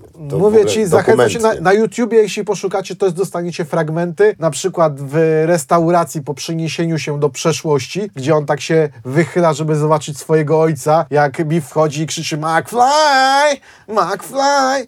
I jak on się właśnie tak wysuwa, to zobaczycie, że scenę najpierw z Erikiem, a później właśnie z Michael J. Foxem. I one praktycznie wyglądają idealnie, ale Michael ma po prostu w sobie ten sznyt komediowy, którego Erik nie miał. Znaczy Michael J. Fox przez nieprawdopodobne wiskomika, serdeczność, ciepło, no, wzbudzający sympatię, no, chłopięcy, no, kompletnie dw- dwóch różnych facetów. Ja nie rozumiem, kto robił casting do pierwszej obsady, bo to w ogóle, wiesz, to jakby dwa światy. A propos castingów, słuchaj, i a propos błędów obsadowych. No sam to teraz wywołałeś. No dobrze. Znaczy ja wywołałem, bo wrzuciłem ten temat, ale powiem ci, że też petarda to John Wayne jako Chingis Khan. To wiesz pewnie, nie? No tak, no, ale- Ależ to jest w ogóle, to ja bym chciał poznać osobę, która robiła to, to ja mógłbym zagrać Chingis Khana. No ale to tak samo znasz takiego... Wiesz, że mnie zaprosili na casting do Kwowadis i DeLonga Pawła i tam jeszcze parę osób. Ja w ogóle nie przystąpiłem do castingu. Ja mówię, słuchajcie, ja, ja jakby miał... Winicjusz miał, miał chorego brata, mogę zagrać. Łukaszu, nie chcę cię obrażać, ale mam wrażenie, że e, oglądając polskie filmy, że u nas, jeśli chodzi o casting, ta e, ławka jest tak krótka, że gra sześciu e, To aktorów non-stop. Znaczy dwie drużyny przeciwko sobie, bo to się zmienia też, e, wiesz, etapami. No tak, pięć ale, lat, pięć lat, pięć ale, lat. ale ludzie, dlate- te, i to jest też e, szybka, tylko mała dygresja, dlaczego mam wrażenie, polscy widzowie nie chcą chodzić do kina, ponieważ oni dostają cały czas ten sam film z tą samą obsadą. Tak, no, no, no, no ale to nie wypada mi się wypowiadać, bo można by było to odebrać jako wyraz żalu, że ja nie jestem e, obsadzany w tych filmach. Wracając do tych, do tych, do tych błędów, no to Chingis Khan i John Wayne petarda. Dla mnie number one, zupełnie absurdalne, nie wiem czy pamiętasz, e, no kompletnie, nawet ja jako dzieciak, kochający Robin Hooda, jak oglądałem Kevina Costnera, to ja już wtedy czułem, że to coś mi tu nie gra, nie? Ja oczywiście potem zrozumiałem, że był amerykański akcent, że to w ogóle nie to, że on zmęczony, że, że Morgan ja... Freeman ci wtedy nie przeszkadzał, jego, jego, jego ten Okej, przyboczny? to też przegięcie, no, ale, no, ale był Saracen, nie, nie był Saracenem? Nie, nie. No, no, no, ale niech sobie będzie, ale ja miałem go, wiesz, zakorzenionego w głowie, bo to oglądałem później jako właśnie, wiesz, z y, Kazani na Shawshank i mówię tak, no gdzie, ten starszy pan teraz taki, kurczę, no nie, no nie pasowało mi to. Ale Morgan Freeman potrafi zagrać wszystko, łącznie z Bogiem. Oczywiście, że tak i... A bywa też odwrotnie sobie, no gdyby się zdarzyło tak, jak planowano, że Tom Selleck byłby e, Indianą Jonesem, no to, no to myślę, że, że, że, że, że, że film no nigdy nie stałby się kultowy. Nie, Ale nie mam nic przeciwko ale? Tomowi ale Selleck? Tom Selleck jest genialnym aktorem, bardzo dobry ale komediowy. Ford, no, ale Ford jest no, wspaniały w tej no widzisz, roli. ale to no. teraz robisz główny błąd, do którego wielu aktorów mi się, Cudownie. mi się przyznaje, jak wiesz, jak rozmawiam, do jakich filmów, zwłaszcza Mhm. tych amerykańskich aktorów, do jakich filmów byli przykładanych, to mówi, że nie chcą o tym mówić, yy, dlatego że... Zadajesz im pytania w trakcie wywiadów. Tak, że nie chcą o tym mówić, dlatego że są już projekty, których oni żałują, że nie dostali, ale oglądają je teraz i widzą, że są kultowe, że, że nie wie- Pacino powiedział, że gdyby w- zagrał z samych ról, których nie zagrał i gdzie odmówił, to można byłoby stworzyć gigantyczną, wspaniałą karierę No, hollywoodzką. no więc, więc widzisz, to ja nie Miał jestem... zagrać prze- też Hanna Solo potem. Ja nie jestem przekonany, czy Tom Selleck byłby lepszym czy gorszym Indianem Jonesem. Byłby innym, ale czy film nie byłby kultowy? Nie jestem przekonany, bo film w ogóle jest napisany tak, że on y, był skazany na sukces. Jeśli prawdą jest, że Harrison Ford wymyślił scenę w walce z mieczem, z wielkim mężczyzną... Tak, z pistoletem wymyślił No to. to, no to nie byłoby Bo- tej bo- sceny. bo to musi- nie byłoby tej sceny. Ale to wiesz, że to chodziło o to, że było Nie chciało mu się uczyć. Że, że tak, poza tym było gorąco, nie mieli czasu, więc on postanowił ją szybko skrócić. Co- No ale zrobił, ale, czyli nie byłoby tej sceny. Selek prawdopodobnie nie wymyślił tej sceny w tym samym momencie. No wiesz, oczywiście, ale może wymyśliłby coś innego, wiesz o co chodzi. A to Jed- producenci takich- serialu Magnum go nie puścili, czy Tak, on nie chciał nie, nie, nie, zagrać? to CBS, y, nie, nawet nie producenci, to CBS, który jest e, telewizją, e, nie chcieli zrobić przerwy i nie zwolnili A on go. chciałby zagrać On chciał zagrać, to słuchaj, no, do, u Stevena Spielberga każdy chciał wtedy zagrać. Okej. No.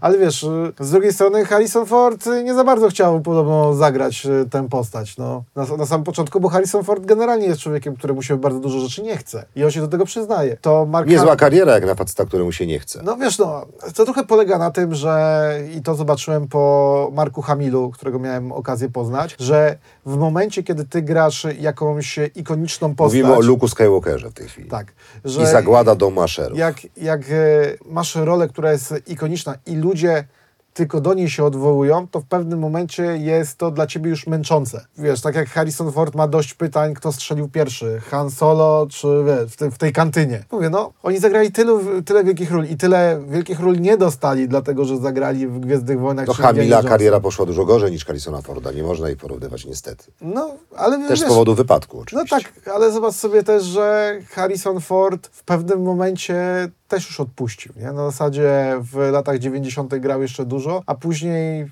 A potem zaczął wracać do, do Indiany, do Hanna Solo, zaczął wracać do tych ról, prawda? Tak, ale to mam wrażenie, że to chyba było gdzieś tak wymuszone finansowo, koleżeńsko, bo jeśli ja wciąż nie uznaję Indiana Jonesa i tej kryształowej czaszki, bo to przecież Jezus Maria, no ta scena, w której on się chowa w lodówce i przeżywa wybuch bomby atomowej, to jest dla mnie aberracja całej serii po prostu. No takich rzeczy się nie robi. No wiesz, to tam jest sporo takich absurdalnych Ale sytuacji. ten- o właśnie, A w dobra. ostatnim Indianie Jonesie też Ale cała, czekaj, cała czekaj, pierwsza czekaj, część czekaj, młody, czekaj, nie? Czekaj, czekaj, Ale teraz wam właśnie powiem i zobaczymy, Mhm. czy też cię nie zaskoczę. Właśnie ta scena, o której teraz mówię, w której e, Harrison Ford jako Indiana Jones chowa się do lodówki, została wyjęta z powrotu do przyszłości z pierwszej sceny, gdzie do przeniesienia w czasie miało dojść właśnie podczas wybuchu atomowego, gdzie tym wehikułem czasu miała być lodówka. To było w Ale oryginale. świadomie myślisz? Tak!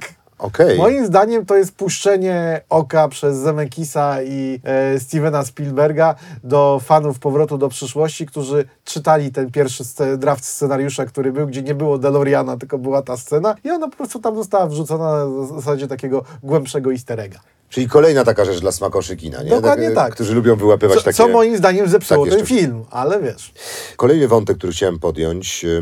Ja ci wspominałem o tym, że będę chciał z tą, o tym pogadać, bo teraz trochę znowu świat filozofii. Ja już cię kompletnie nie widzę. Ty widzisz mnie dalej? Cały czas cię W widzę. zasadzie to jest pierwsza rozmowa w historii tego podcastu po ciemku. Podoba mi się to naprawdę. Jestem trochę skonfudowany, ale okej. Posłuchaj, bo może znowu teraz się będę czepiał. Filmowcy, reżyserzy, scenarzyści mają moim zdaniem dużą władzę nad naszymi umysłami. I potrafią tak napisać scenariusz, tak dobrze obsadzić e, aktorów, e, tak to zmontować przede wszystkim, że my z jakiegoś dziwnego powodu, jako dobrzy, życzliwi obywatele, respektujący prawo, bardzo lubimy złych. Ja sam się łapałem na tym, że kibicowałem Escobar- Escobarowi, straszliwemu mordercy i potworowi, kiedy umykał policji kolumbijskiej i e, DAA się chyba nazywa ta instytucja do walki z narkotykami. Łukaszu, to ja odbiję to E, szybko. Kochałem Lorda Vadera. Już puentuję, czy wreszcie najbardziej Dona Corleone, który przecież również był potworem. Czy ty, ty nosi to w sobie jakieś znamiona perwersji, nie, niebezpieczeństwa, czy to też nie ma większego znaczenia? To ja odbiję tą piłkę, żeby się sam sobie odpowiedział na to pytanie. A czemu wy jako aktorzy wolicie grać czarne charaktery niż bohaterów? Dużo ciekawsze są w, reali- e, w kreowaniu. No i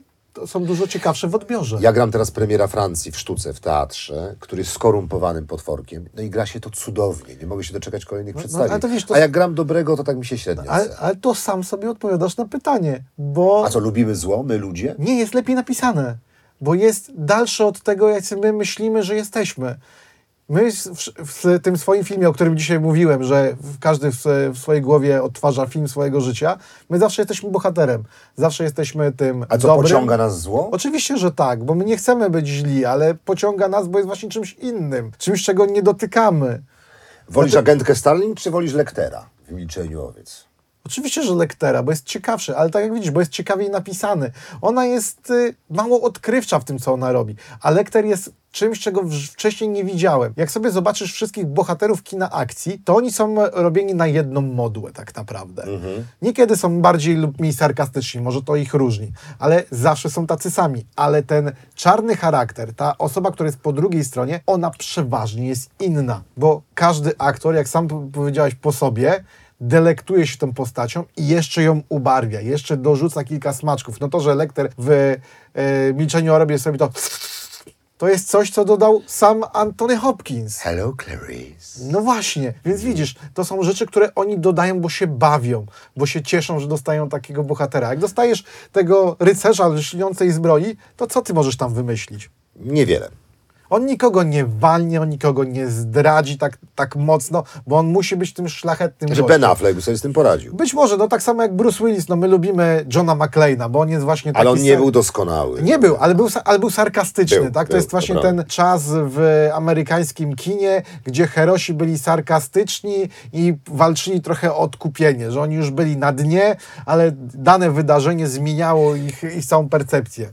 Czyli e, no, e, wytłumaczyłeś mi, ja też myślę, że mamy w sobie taki pociąg do zła, nie? I wszyscy gdzieś mamy jakiś pierwiastek, a to już jest oczywiście temat na odrębną rozmowę, pierwiastek zła w sobie, który poprzez edukację, wychowanie, od małego oseska jest w nas e, tłumiony. A patrząc na takich, na takich, na takich potworków, czasami możemy się przyjrzeć ich postaciom jakby sobie w lustrze. Tak na marginesie tylko powiem, że Lektera miał zagrać Sean Connery. Oczywiście. To jest dla mnie nieprawdopodobna informacja, bo to bardzo, bardzo, bardzo, bardzo lubię tego aktora, a mm, rolę Jodie Foster miała zagrać chyba Michelle Pfeiffer, o ile dobrze pamiętam. Także wydaje też się, ciekawe że, decyzje Tak, ale wydaje że mi się, że Michelle Pfeiffer niedużo by się różniła od Judy Foster. Ale jo, nie, Jodie ma w sobie taką tajemnicę, wiesz, taką szczególną. Tak, ale w, w sposobie grania one są bardzo do siebie, moim zdaniem, podobne, jeśli chodzi o warsztat. Może. Dobra, Ale to jeszcze tak ci wrzucę, Mhm. wiesz, e, a propos tej, tej ciemności, tej, tej, tej ciemnej strony, która nas porusza, zobacz sobie... sobie... sobie zdjęcie teraz, jak wygląda nasza z- rozmowa. No, no, no, zobacz sobie, że to najbardziej widać przy tych e, filmach quasi-erotycznych, jak 365 dni, jak te Twarze Greya, gdzie... Dlaczego ta- już quasi erotyczne? To jest kino erotyczne trochę, no, nie? na- to- Szukam cały czas telefonu mojego, ale nie mogę tak, znaleźć. Tak powiedzmy, to wiesz, to tutaj to się odzywa, że nagle większość mówi tak, a ja bym tak chciała w domu, a jak ty byś mnie tak związał. I wiesz, i tutaj wychodzi trochę tego, tego czarnego charakteru, wiesz o co chodzi. Że to, no, czyli, no, czyli, czyli tak naprawdę to jakieś nasze tęsknoty? Że No, chcielibyśmy mieć, nie wiem, hipopotamy w Kolumbii i być Escobarem? Co? Wydaje mi się, że, że każdy, sobie pół Ameryki Południowej? ka- każdy w swoim serduszku ma tą mroczną stronę i raz na jakiś czas lubi ją e, wypuścić. Dobrze, y, słuchaj, też chciałbym ym, podpytać Cię w kwestii też kina amerykańskiego. Teraz to będzie coś chyba, w czym jesteś mocny, bo też bardzo ważne, żebyśmy podkreślili, że w ogóle cała kinematografia amerykańska w dużej mierze jest propagandą i w ogóle Ameryka nie wygląda tak jak w filmach, nie? Oczywiście, że nie. Bo nie wiem, ja temu uległem jako dzieciak, pewnie ty też. Ja myślałem, że ta Ameryka jest taka nieprawdopodobna, że to, to San Francisco wygląda, wygląda tak jak w filmach, a przecież cały w ogóle przemysł filmowy amerykański jest właściwie podporządkowany Dobrze, kreowaniu to- wizerunku A Ameryki. to, a to jeszcze to, poszaszmy, przemysł filmowy na całym świecie jest tak kreowany. Inaczej.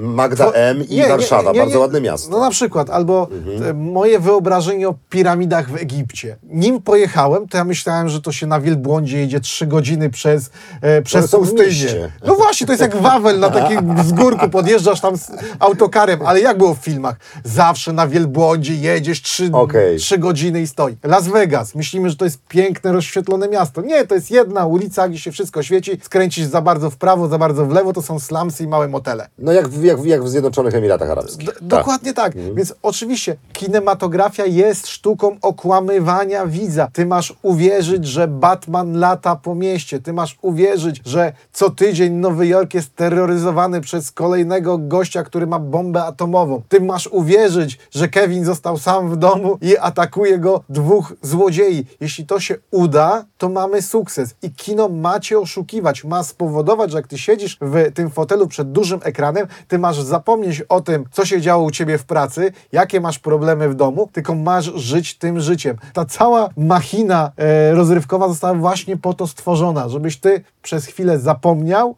i żył innym życiem. Ty nie chcesz oglądać właśnie to, o, o czym już rozmawialiśmy, prawdziwej Warszawy, prawdziwego Nowego Jorku, prawdziwego Waszyngtonu. Nie. Znaczy, mogę go zobaczyć w filmach Spike'a Lee, wiesz, no, tych tak zwanych niszowych reżyserów, to się może pojawić ten element, Ale prawda? też, ale też nie do końca, bo one też, wiesz, kręcąc jako aktor w Warszawie, dobrze wiesz, że przemieszczanie się po mieście nigdy nie jest e, sekwe, sekwencyjne, tylko dobiera się odpowiednie lokalizacje, żeby to ładnie wyglądało. Więc nawet u Spike'a No chyba, Lee- że u Patryka Wegi wtedy jest inaczej, bo wtedy się robi czasami z przypadku, żeby było taniej i no, szybciej. no dobrze, ale wracając do Lee, to on też, wiesz, trochę zmienia i pod swoją historię dobiera e, miejsca i nagle z jednego miejsca miasta przemieszcza się do drugiego, a niby on przeszedł e, z, za róg danej Mhm, ulicy. Więc to jest sztuka iluzji, sztuka kłamstwa.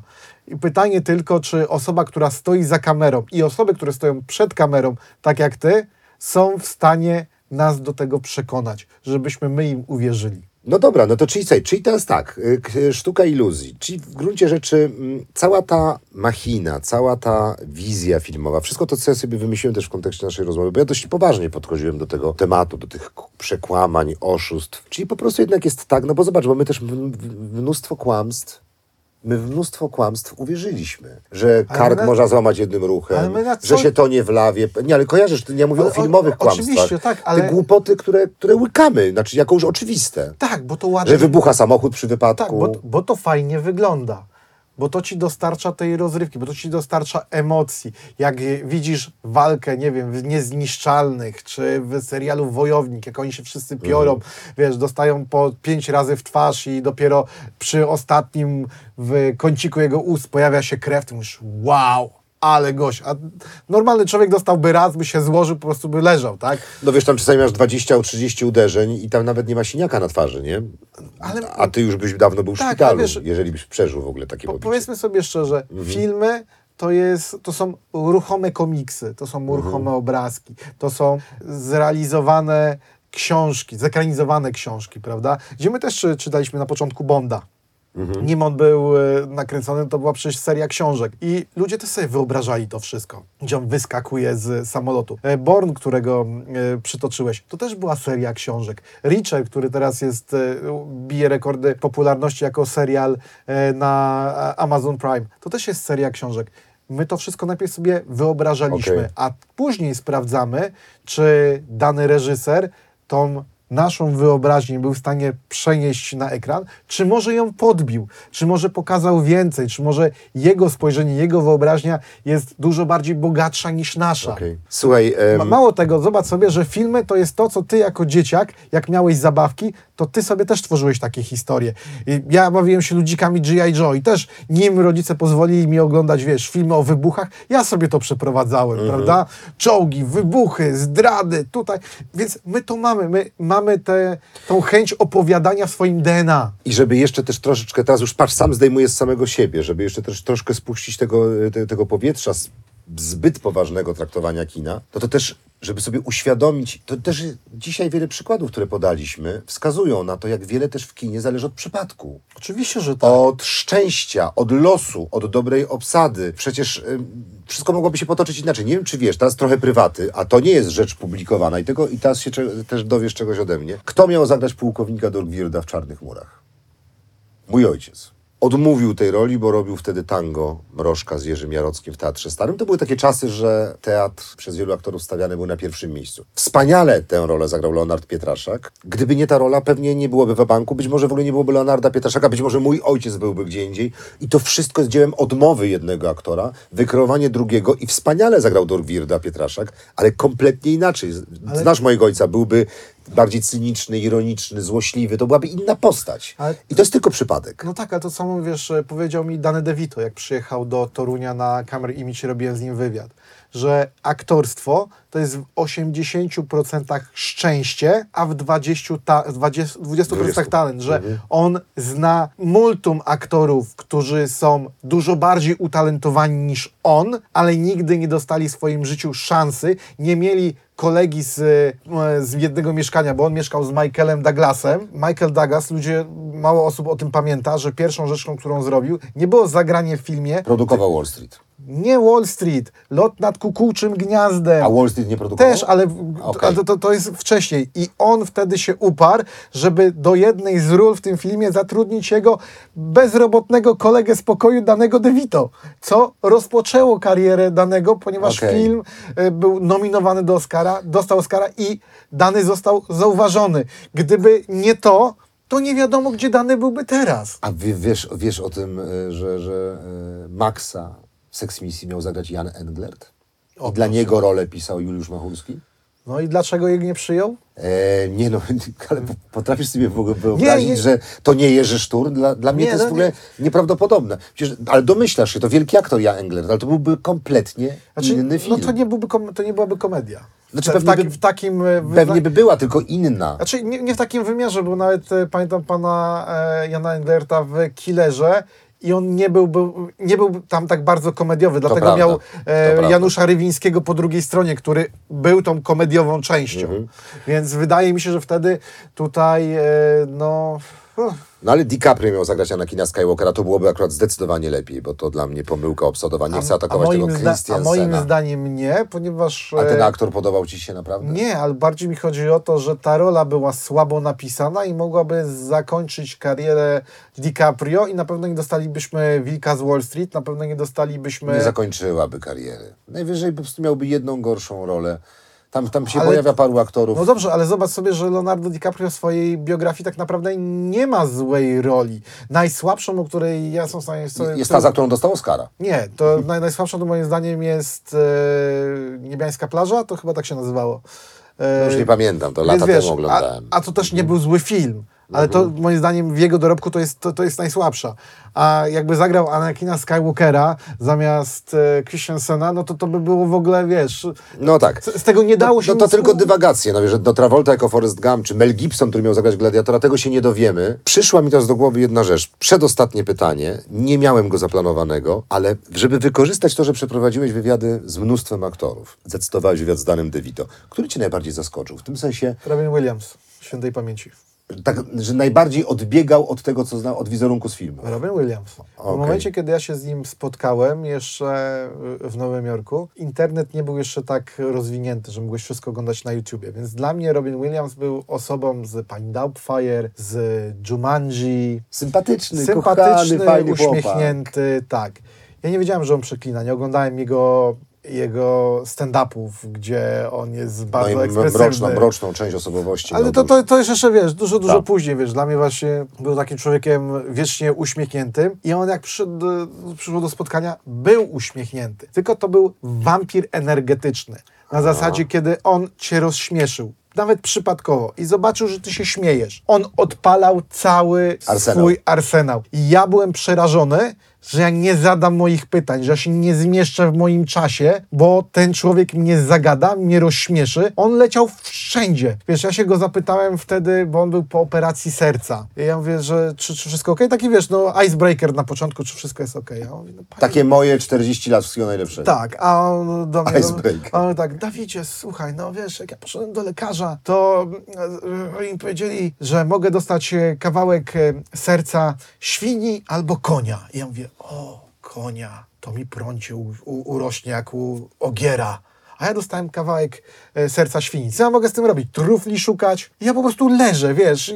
Dobre. Wiesz, on, on, on tym, tym rzuca, albo te, bo wtedy po, po jakichś wy- wyborach, y, jak Obama został, i on zaczyna mówić, że wiesz, nawet nie jest jak jest u was, ale u nas wszyscy są przerażeni, ponieważ y, został wybrany czarnoskóry na prezydenta. On jest bardzo elokwentny, bardzo inteligentny, z wykształceniem, ale wszyscy się boją, że jak on zostanie już zaprzysiężony, wsiądzie do swojej limuzyny i będzie yo, yo, chłopaki, yo, yo, a teraz otwieramy szampany, zapraszamy dziewczynki, będziemy się bawić, moje ziomy, lecimy do Białego Domu. I wiesz, ja po prostu leżę. I później się okazało, po wielu, wielu latach, jak już mogłem obejrzeć jego rzeczy na Good YouTubie, Morning Vietnam. był- usłyszałem Good Morning no, Vietnam. tak, to ja zobaczyłem, że on odpalił część swoich stand-upów. On po prostu odpalił przygotowany... dla ciebie, to jest super, Ale nie? wiesz co, To też oglądając później wywiady z nim, e, takie pamiątkowe, jak on zmarł, wszyscy właśnie mówią to samo. To był człowiek, który jak już widział, że kogoś rozśmieszył, nie był w stanie się opanować.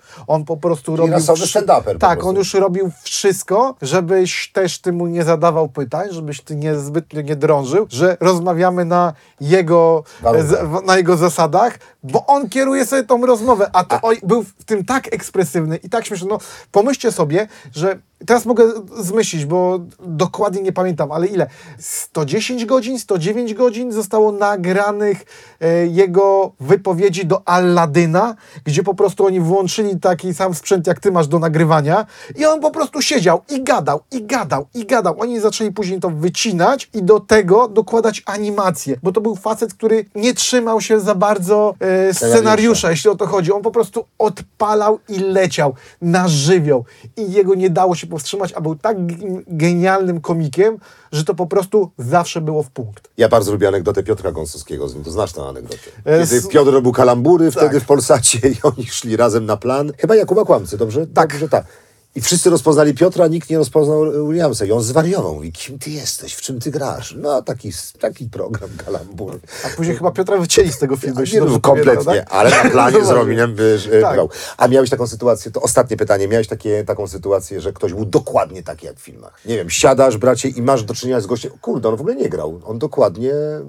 Znaczy, wiesz co, chyba nie, ale miałem wiele, znaczy wiele. A chama miałeś? Właśnie kilka wywiadów, gdzie ja wszystkich e, kolegów, e, znaczy kolegów, e, no młodych ludzi, którzy wchodzą do tego e, zawodu, przestrzegam, że uważajcie, bo ten zawód może wam dostarczyć wielu uniesień, że poznacie swoich bohaterów, ale może wam zniszczyć wiele filmów, ponieważ bohater, którego poznacie, będzie totalnie inny, No będzie to w porządku, dla ma być świetny w filmie, nie musi być no, fajny. no nie, bo jak ja, nie? wiesz, spotkałem się w, w Polsce z Bruce'em Willisem, jak on wtedy przyjechał e, reklamować wódkę i on okazał się kawałem chama, to naprawdę mam problemy, żeby oglądać z nim film i dalej lubić Johna McClane'a, bo ja mam cały czas... No teraz mu współczujemy, bo jest ciężko no, no teraz tak, ale wtedy, nie? wtedy wiesz, i to też jest coś, co za nim chodzi. Wiele osób powtarza łącznie z Sylwestrem Stallone, że Bruce jest po prostu... Hamem. Tak, czy, ten, czy Kevin Smith, to samo, który z nim pracował. To jest po prostu kawał hama, no, ja od niego usłyszałem, wiesz, fuck off, nie? No, i, i, I nie pogadasz. Ale może ale goście- może byłeś 25 dziennikarzem, nie, ale, nie, bo- nie, to, ale wiesz, no mówię, z biegiem czasu też tak myślałem jak ty, że może trafiłem na zły dzień, a później się okazało, że on taki po prostu Okej, jest. okej. Że, że on nie lubi ludzi, no wiesz, tak bywa. Ale gościem, który był taki sam jak w filmach, to jeszcze szybko odpowiadając na twoje pytanie, Chuck Norris. Chuck Norris był tak samo fantastycznym człowiekiem, jak w e, Strażniku Teksasu. Jak do nas przyjechał, reklamował WBK, no po prostu... A to już staruszek wtedy był. No, ale wciąż, wiesz, super. I najlepsze jest to, że on każdemu dziennikarzowi opowiedział e, tą samą anegdotę, jak jego syn wymyślił żart o Chucku Norrisie. Już nie pamiętam, jak ten żart e, brzmiał. I w- każdy dziennikarz wychodził taki super i dokładnie, ej, wiecie co, wiecie, wiecie co? A my tak, tak, opowiedział ci żart o Chucku Norrisie, nie?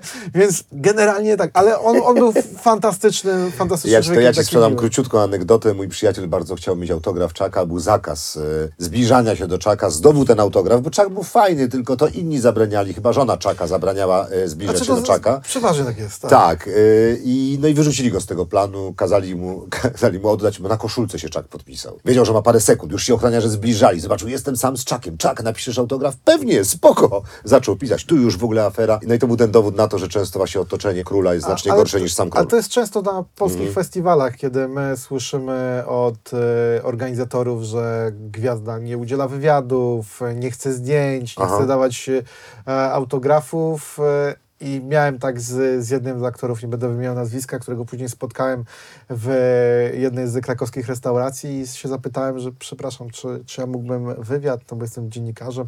A on mówi, o Jezu, tak, bo wiesz co, ja tu przyjechałem i wszyscy mówią, że nikt nie chce ze mną rozmawiać. poszła taka fama. Widzisz, No, ktoś a- też sprytnie o to zadbał. Tak, ale wiesz, ale wyda- wydaje mi się też, że oni po prostu niektórych gwiazd nie chcą też przemęczać, wiesz, różnie to bywa. Wiadomo. No. Dawid, kochany mój, bardzo Ci serdecznie dziękuję. Troszkę mnie przekonałeś. Yy, spuszczam, yy, spuszczam ląd, yy, gaszę ląd, spuszczam powietrze z balonów, baloników. Rzeczywiście tak nie ma co tak specjalnie, specjalnie poważnie traktować tego kina i można pozwolić twórcom na, na, pewną, na, na pewną interpretację historii, ale nie do końca. W tym sensie uważam, że jednak na filmowcach, podobnie jak na pisarzach, jak na aktorach, jak na dziennikarzach, ciąży odpowiedzialność. Mamy wpływ na ludzi, mamy wpływ na młodych, mamy wpływ na innych, a dopóki mamy wpływ, no to, no to nie jesteśmy, nie robimy tego tylko i wyłącznie dla samych siebie. Skąd ten dźwięk? O, pada deszcz. Pada deszcz. Ale to ja... Aż Niebo zapłakało nad końcem rozmowy. Tak, ale ja muszę w takim razie jeszcze mocniej to podkreślić. Nie zrzucajmy na barki kina tego, że ma nam zastąpić szkołę nauczycieli I czytanie książek. i czytania książek. Pięknie Ci dziękuję. Wszystkiego dobrego. Do zobaczenia. Dzięki. Z Nowickim po drodze.